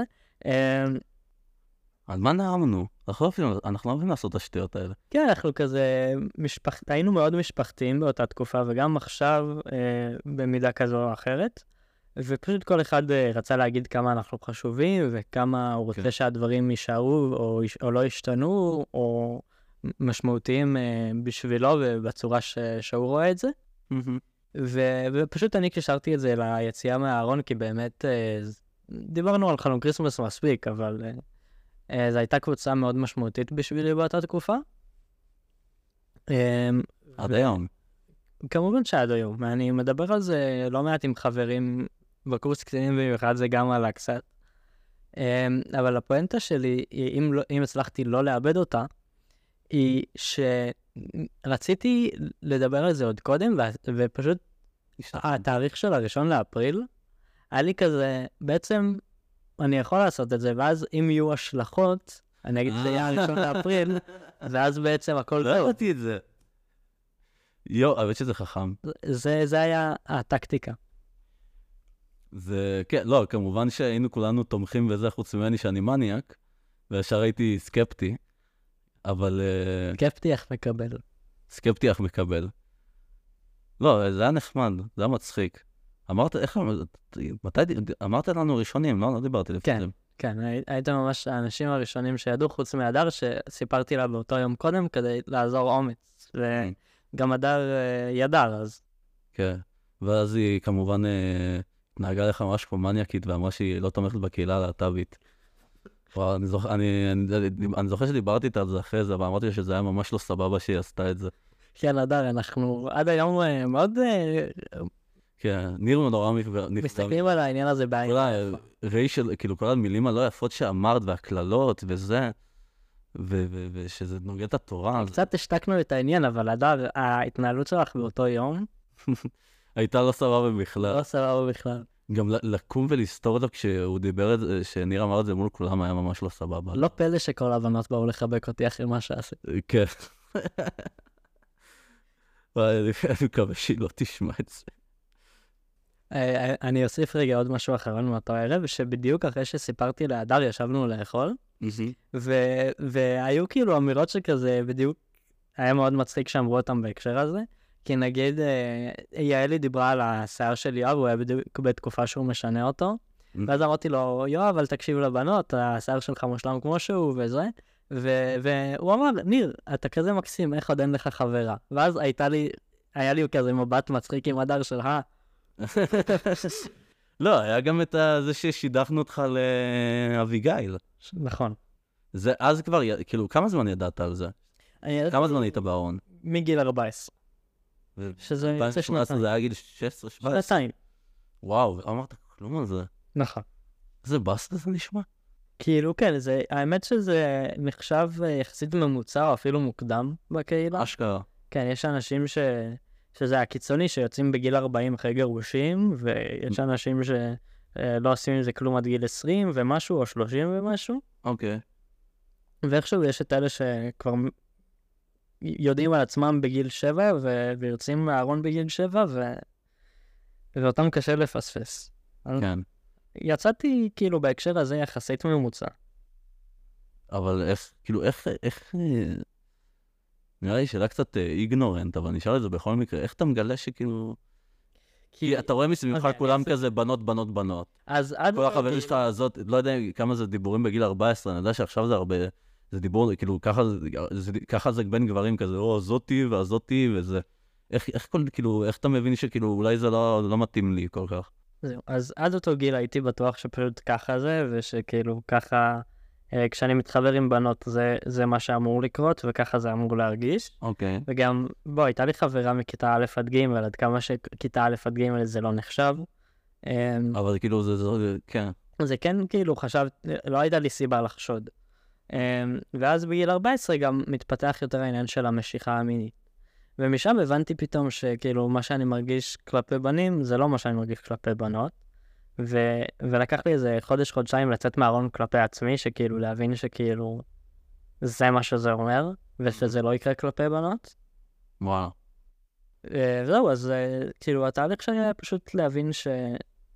להבין את הרגשות שלי כלפי עצמי ולהשלים איתם. ומה מה אתה עושה, כאילו, מה, מה אתה עושה שנתיים שאתה... ו, ובתוך השנתיים האלה אנחנו משדכים לך מישהי, כאילו.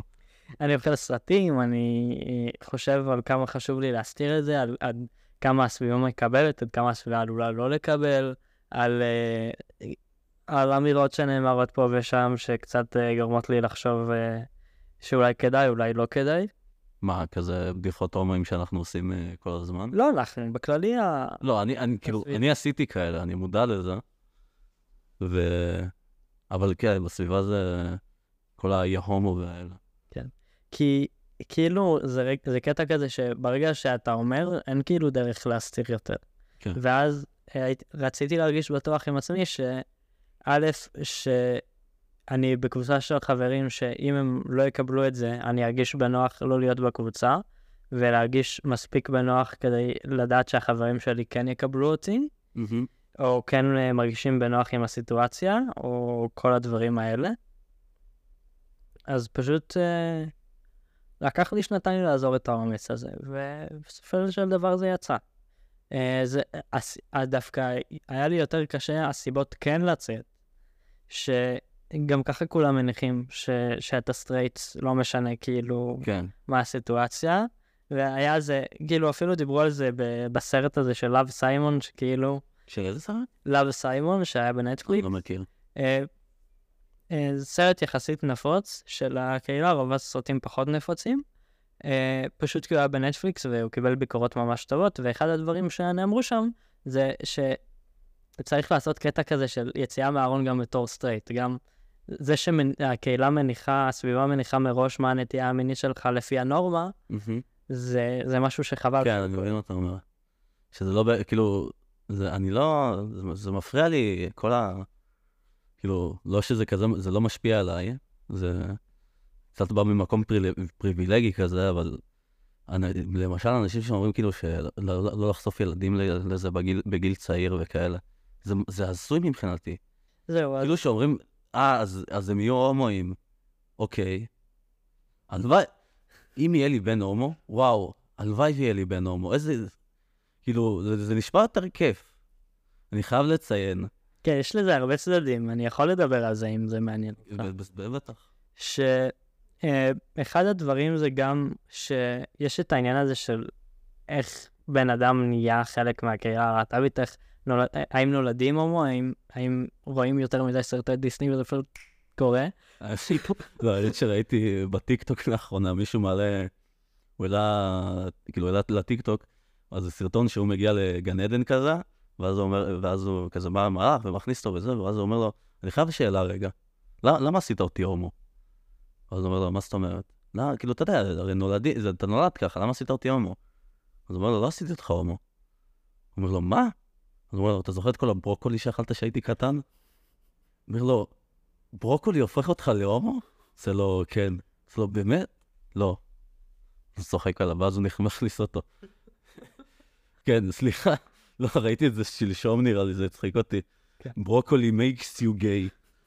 זהו, אז גם אהבתי, מאוד מצחיק, וגם באמת, זה מה שאני מאמין בו, ש, שאתה נולד כך, שאין דרך להשפיע על זה.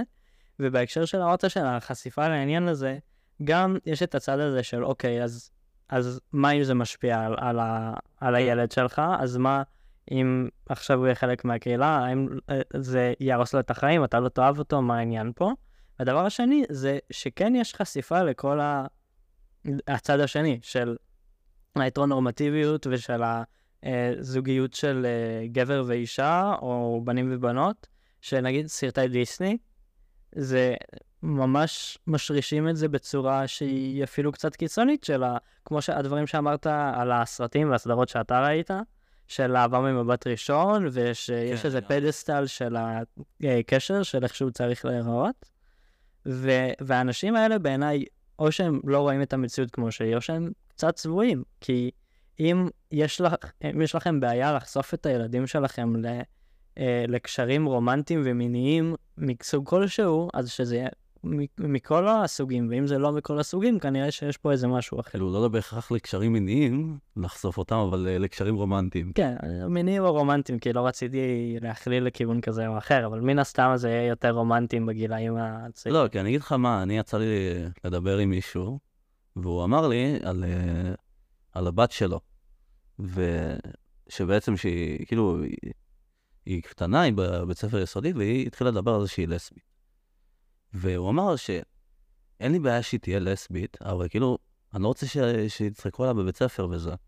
וזה נגיד אני יכול להבין, אבל אני אומר שבכללי, אם, אם היה עכשיו, אם זה באמת היה משהו יותר מקובל, אז לא היו רואים את זה כמשהו מוזר בכלל, אתה מבין? כי בוא, דבר ראשון, ילדים הם ש... חארות והם יצחקו על כל דבר, מי כמוני יודע. ו... אבל כאילו, אם, אם זה היה משהו יותר, כאילו, לא היו מסתכלים על זה כמשהו טאבו ומשהו שהוא מוזר, אלא כאילו זה פשוט משהו שקורה והכל בסדר, אז זה, וגם אם היא הייתה, מישהי הייתה אומרת, אה, אני לסבית בגיל קטן, ואחרי שנתיים אומרת, אה, אני לא לסבית וזה זה phase אפילו, או שלא, אבל אם זה נגיד משהו שהיא ראתה בסדרה והיא לא בדיוק מבינה, וזה הגיוני, ילדים, אז היא יכולה לחזור על זה, והכל בסדר, כאילו. אבל אנשים, יש לזה... בכלל, זה מפריע לי.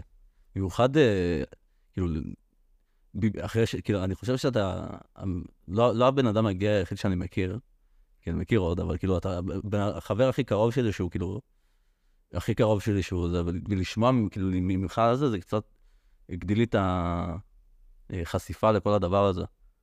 ופתאום זה התחיל להפריע לי יותר. אבל זה עשוי, איך שמתנהגים לזה, בגיל הצעיר במיוחד. זה נורא מעצבן. איזה hot takes בפודקאסט שלי. להיות uh, הומופוב זה לא בסדר. הפעם, uh, בפרק הבא נדבר על למה לרצוח זה לא כזה מגניב. ויש גם דיבור על אונס בפרקים העתידיים. כן, מה? ספיילר אלרט, לא מומלץ. לא מומלץ. כן, אני... אה, חבר'ה, אונס זה לא מגניב. סתם. אה, קיצור, מה...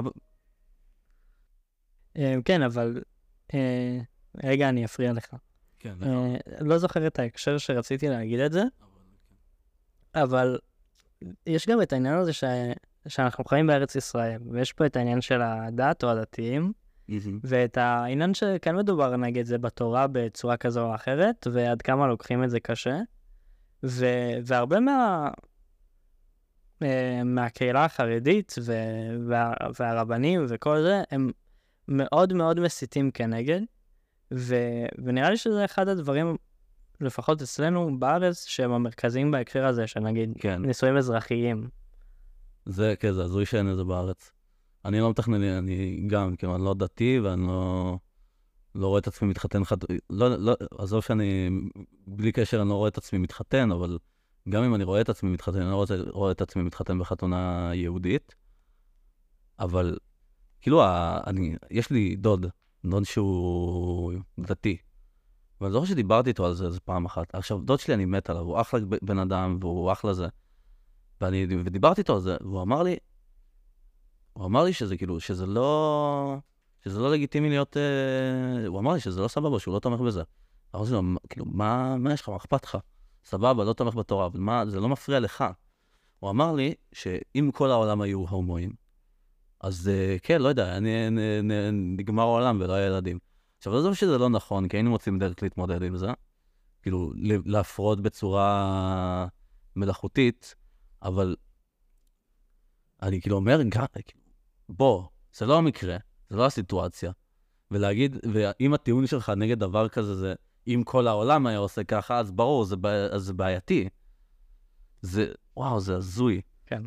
אז זה כאילו עניין של מה אם נתמוך בזה יותר מדי וזה יתפשט? כן, כאילו, להגיד שילדים, כאילו, שוב, הלוואי והבן שלי יהיה הומו. חשבתי על זה הרבה פעמים, שאם הייתי הומו היה מגניב דווקא.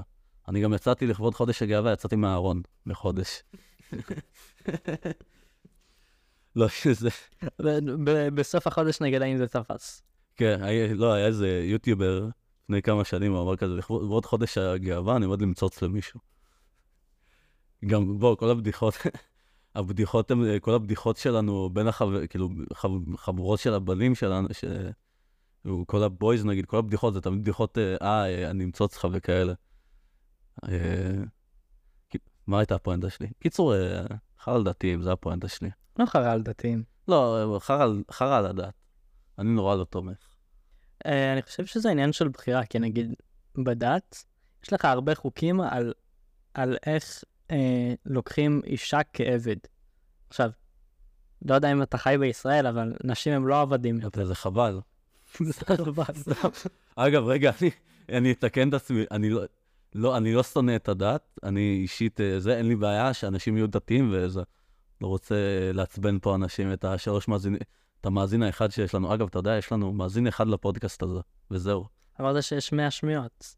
לא, אבל זה כולנו הוא, זה רוג'ר. אז אה, שלום רוג'ר, היי רוג'ל. היי רוג'ר. אה, איפה היינו? בדת. אה, אז כן, אין לי בעיה עם דת, אבל באת להגיד על החוקים להפוך אישה לעבד או משהו כזה. כן, אז, אז אני אומר שאתה לא עכשיו תלך אה, ל, לבן אדם דתי והוא יטיף לך על למה נשים חייבות להיות עבדים וזה לא בסדר שיש להם זכויות, תלוי בדתי, אבל בוא נגיד שזה הרבה פחות רווח מלמה אסור להיות הומו. כן, זה כאילו, זה ספציפית נורא מפריע להם. כן.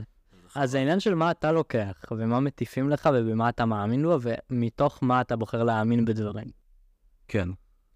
זה... לא, זה בעייתי. לא, דתיים זה... אני נורא קשה לי עם אה, דת. אני... נורא... פ- לקח לי הרבה... לא, האמת שנהייתי אתאיסט אה, נורא מוקדם. אתה גם, אתה גם לא מאמין, מאמין, אני מניח. לא, לא מאמין גדול. לא גדול, מאמין קטן. אבל כשאני הייתי, הייתי אתאיסט כאילו מכיתה ז', תמיד זה היה נראה, כאילו, תמיד היה נשמע לי כזה, זה היה נשמע לי לא הגיוני כל הקונספט הזה של דת. וכשהייתי בכיתה ז', התחלתי ללמוד פילוסופיה במחוננים. ושם אה, המורה שלנו, אדם, אני מת עליו, היה מורה, זהו, גם היה מחנך שלי בתיכון. אחלה גבר, אני מת עליו, מת להיפגש איתו שוב. אבל הוא לימד אותנו על הטיעון הקוסמולוגי, אתה יודע מה זה? אולי. טיעון הקוסמולוגי בעצם אה, זה טיעון, זה מין אה, הוכחה לוגית לזה שהקונספט של אלוהים שמדברים עליו עכשיו, שמדברים עליו, הוא לא הגיוני לוגית, כאילו, הוא תמיד מתנגש. ב... כאילו, אני לא זוכר אותו בדיוק, ואני לא רוצה להסביר את זה לא נכון, אבל פחות או יותר, זה הדוגמה עם האבן? אם ה... אה, אם, אלוהים יכול ליצור אבן, זה? לא, זה לא זה. זה בעצם אומר שיש לך שלוש הנחות, שוב, יכול להיות שאני אומר את זה לא נכון, אבל שאלוהים הוא טוב, שאלוהים הוא כל יכול, ש...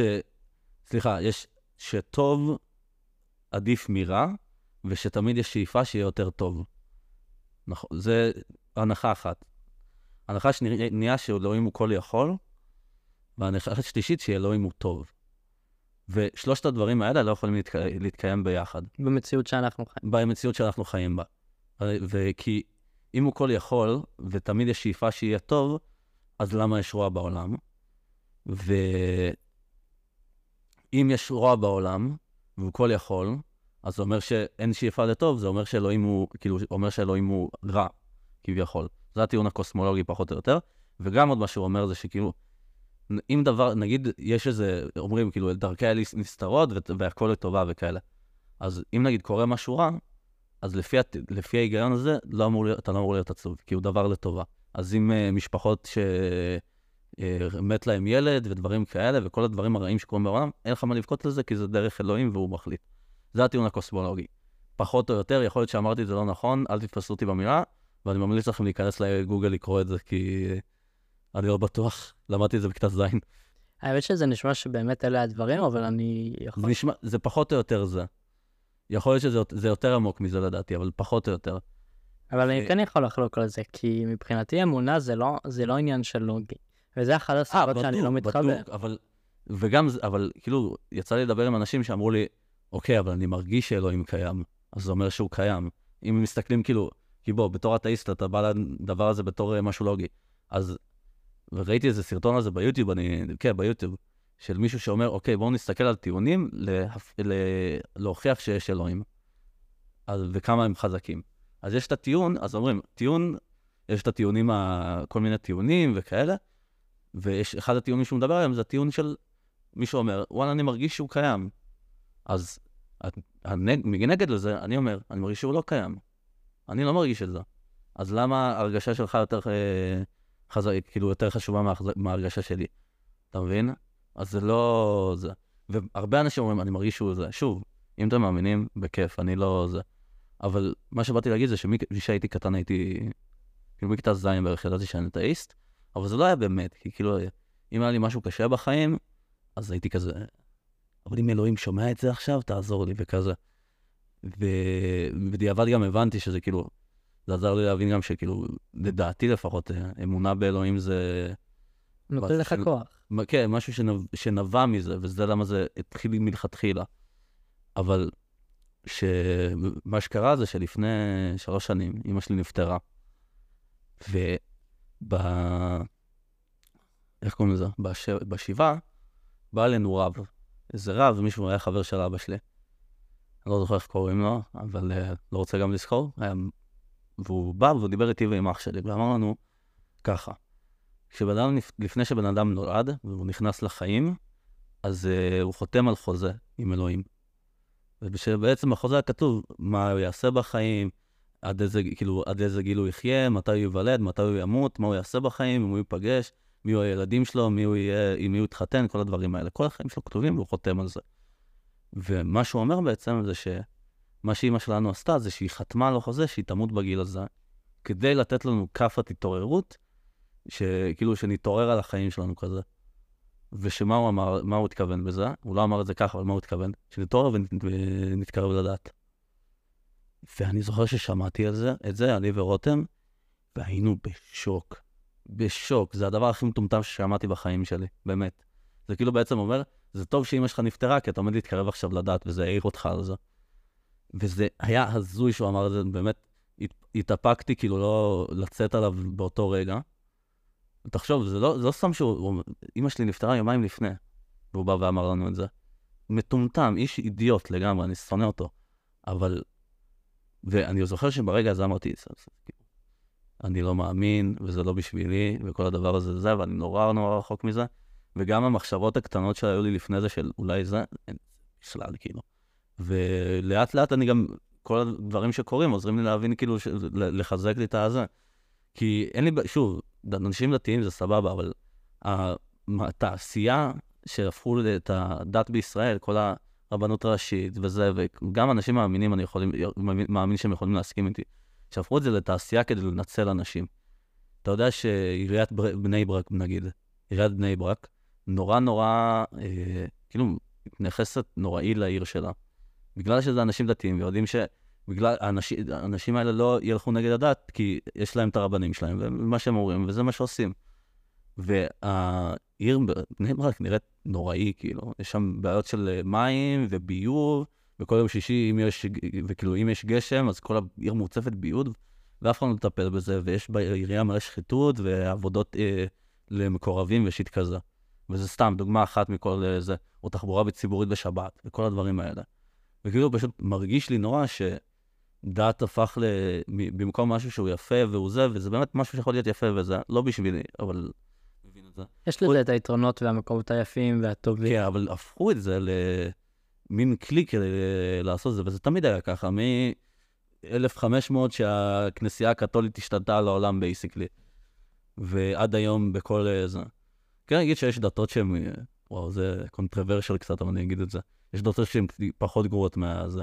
כאילו, אם תסתכל על יהדות ואסלאם נגיד, אני אגיד את זה ככה. אני מעדיף את היהדות. כן, לא, פשוט הקיצונים של יהדות הולכים וזורקים אבנים במצעד הגאווה ועושים אה, זה. הקיצונים באסלאם אה, עורפים ראשים ומש... זה. אתה מבין? יש כאילו, יש הבדלים. אבל כללי, כל הקונספט של דת נורא קשה לי איתו. שוב, אם אתם אה, מאמינים וכאלה, אתם מוזמנים לרשום לי ב... אה, אגב, רציתי להגיד בהתחלה, יש אינסטגרם לפודקאסט, תעקבו אחריו. What is מימיש פוד באינסטגרם. תרשמו לי ב... באינסטגרם שאת, שאני אידיוט ושאתם לא מסכימים איתי אם אתם רוצים. אפשר גם בצורה מכוונת, אבל לא חייב. כן, ואתם יכולים גם לבוא אליי הביתה ולהרביץ לי אם בא לכם. אני בסדר עם זה. אבל אה, כן, לי, לי קשה עם הדת, ובמיוחד מה שכאילו קורה עם הקהילה הלהט"בית, זה, זה, זה הזוי מבחינתי. איך כאילו, תזדיינו, מי, מי, מי, חושב, מי דיבר עליכם בכלל? טיפולי, טיפולי המרה וזה, הזיה. טיפולי הרמה. טיפולי הרמה. מה, מה, מה אתה חושב על כל זה, ניר? על הטיפולי המרה בכללי, מה כל. ההתייחסות של הדת. כן, בכלל זה מה שאמרתי. Um, אני חושב שלמשל כשזה מגיע למקומות של החוקים ושל הממשלה ושל הדברים האלה, זה אנשים שמצד אחד יש להם אמונות מאוד קיצוניות, והם רוצים מצד אחד להיות politically correct, ומצד שני לקדם את האג'נדה של הנגד. אמ, וזה, וזה מאוד מצחיק לראות את זה קורה בזמן אמת. אה, אם למשל תסתכל על אה, פוליטיקאי מספר 1 או פוליטיקאי מספר 2, שאנחנו פחות או יותר מכירים את השמות שלהם, אתה רואה איך הם במקביל מאוד נמנעים מלהודות שהם הומופובים, וגם אה, מנסים לקדם את האג'נדות שפוגעות. אם זה אה, ש... אגב, אה, אני יודע שאמרתי לך, אנשים שלדבר על מישהו אה, באופן אה, לא אני טוב, פשוט בצבא. בסדר, אתה יכול לדבר על זה, הכל טוב. בסדר, אני... אה, גם בוא, אף אחד לא מקשיב, לפ- כאילו, רוג'ר לא לא ילשין, אני מבטיח לך. זה לא, לא יש לי. בכל מקרה, אה, אה, כן, נגיד. לא, אל תגיד שאמרתי אתה לא מרגיש בנוח. אה, בסדר, אז... אז איפה הייתי? ש... פוליטיקאי מספר 1 ופוליטיקאי מספר 2. אמ, שלמשל, אם זה עכשיו לא לעצור הפגנה של אה, קהילת הלהט"ב, כי זה חודש הגאווה וזה הקטע של החודש, אבל כן לאפשר אה, הפגנה של, אה, של תא שכל הפואנטה שלו זה, נקרא לזה תא למען המשפחה, שה, שהיה, שה, מה שעומד מאחוריו, שמבחינתו יש צורה מסוימת שמשפחה צריכה להיראות, ושכל הדברים האחרים לא טובים ולא נכונים. ואתה אומר שזה צריך לעצור דווקא? ו- ומה שזה אומר, ב- בפואנטה הסופית שלו, זה שכל משפחה שהיא לא הטרונורמטיבית עם גבר ואישה וילדים, היא לא ראויה ולא צודקת ולא צריכה להתקיים. זה לא נכון. זה לא נכון, אבל, אבל כשאתה מסתכל על אתר בחוץ, בפודקאסט. הוא נקרא תא למען המשפחה. כן. שטויות. כן. לא, אני רואה, ראיתי מפלגת נועם, נראה לי קוראים לזה. ש... אני, אני אגיד את השמות של אנשים, תדאג. אתה אומר על אה, מדינה לא קשורה לזה, אבל... כן, לא, זה, זה כאילו, ראיתי, אני זוכר שהיה את הבחירות, ראיתי אה, את השלטים האלה, פלריג, אגב, קוראים לזה ת- למי שלא יודע, השלטים של הבחירות, עם ה... זה שתולים אותם עם הזיכרונים, נקרא פלריג. סתם שתדעו. אז כל השלטים האלה, אז זה היה כאילו שלטים, אה, תומך אה, משפחה של אה, אבא ואימא, שזה מטומטם, כי כאילו, לא חסר משפחות של אבא ואימא שהן אה, נוראיות, ומשפחות של אה, זוג גברים או זוג נשים. אה, או חד-הוריות או לצורך... חד כן, חד-הוריות, מה קרה, מה, מה יש לכם נגד משפחה חד-הורית? אבא שלי הוא חד-הורי, והכל בסדר. אה, עזוב, לא ניכנס לזה. אבל, כן, כאילו, יש להם משהו נגד זה, אבל כשאתה אומר שלא, כן, אתה אומר כאילו שזה בעייתי שלא עוצרים הפגנה שלהם? זה- כי זה דווקא אני לא חייב... אני, לא- אני לא אומר שזה בעייתי שלא עוצרים הפגנה שלהם, אני אומר שזה בעייתי שמראים את התמיכה ו, ולא מסתכלים רגע על הצד הבעייתי, כשכן מחפשים מאוד בכוח את הצדדים הבעייתיים בצד השני. זה מראה על לא איזשהו אותו. העדפה שיש להם, של נגיד יש את מצעד הגאווה וכן אה, נותנים טיעונים נגדו, גם אם לא פועלים אה, לטובתו, מסתכלים על הצד השני ואומרים, מה פתאום, זה בשביל המשפחה, משפחה זה טוב. אה, כן. זה, כן, זה בעייתי. לא יודע אם, ל- כאילו, אני לא חושב שצריך לעצור להם את ההפגנות, כי כמה שאני לא מסכים לזה, פרי ספיץ' וכל השאלה. לא, כמובן שפרי ספיץ', אבל הפרי ספיץ', לדעתי, וכמו שאמרת, גם הדעות של הדת והאמונה, זה נעצר כשזה פוגע בחיי אדם, גם אם זה לא פגיעה בחיים עצמם, אלא פגיעה ב... באיכות חיים. כן, אבל הם. אומרים אותו דבר הפוך, הם אומרים שזה פוגע, שקיום של הומואים זה פוגע בהם. אבל רגע, אני אומר, בוא ניקח אותי, אני אומר שאני רוצה את האפשרות להתחתן עם מי שאני רוצה להתחתן איתו בארץ. מהמם. עכשיו, הם לא אומרים, אנחנו גם רוצים את האפשרות להתחתן עם מי שאנחנו רוצים איתם בארץ. הם אומרים לי, אנחנו רוצים שלאנשים מסוימים, שלכל האנשים, לא תהיה את הזכות להתחתן עם מי שהם רוצים, בגלל שזה לא תואם. גם לא בחתונה-. בחתונה לא יהודית. בין אם זה חתונה לא יהודית, אה, אה, עכשיו כל העניין של להכניס פה את הקטע של נישואים אזרחיים, בסדר, בעייתי. אה, סטטוס קוו וכל הדברים האלה. אבל זה מגיע לעוד נקודות של אנחנו לא מוכנים שיראו את זה בבית ספר, ואנחנו לא רוצים שידברו על זה, ואנחנו לא רוצים להיחשף לזה ולראות את זה, ו... ויש פה איזשהו, אוקיי, זה הדעות שלכם, אבל למה שהדעות שלכם ישפיעו על החיים שלי? כשאני יכול שהדעות שלי ישפיעו על החיים שלי, והדעות שלכם, תחיו איתם אתם. אני לא קשור לדעות שלכם. כן. זה, לא, אתה מס... מן הסתם, כמובן שאני מסכים איתך, אבל אה, כאילו, יש, אני חושב שיש פרי ספיץ' ובסופו של דבר אה, להגיד שהדעות שלהם לא לגיטימיות, מבחינת הממש... כאילו, ברמת הממשלה, לי מן הסתם מותר להגיד שהדעות שלהם לא לגיטימיות, אבל להגיד שהדעות שלהם לא לגיטימיות מבחינת הממשלה זה, זה בעייתי, כי זה מדרון חלקלק. במדינת ישראל, כאילו, אגב, במדינת ישראל אין פרי ספיץ' לגמרי, אני חושב שהדבר היחיד שאסור, לא יודע אם זה הדבר היחיד שאסור, אבל אני ממש בטוח שאסור לדבר, להביע תמיכה בנאצים. כן, אני גם חושב שזה עניין. כן, אבל כאילו, אם אתה אומר עכשיו, אסור עכשיו אה, להביע, כאילו, להביע תמיכה בדת ובקונספטים של דת, שזה מה שהם עושים בסופו של דבר, כמה שזה מפגר, אבל אה, אז זה מדרון חלקלק נורא, נורא נורא חלקלק. אבל כן חבל שאין בארץ אה, נישואים אזרחיים וזה. אני אשמח להינשא עם אזרח. מה?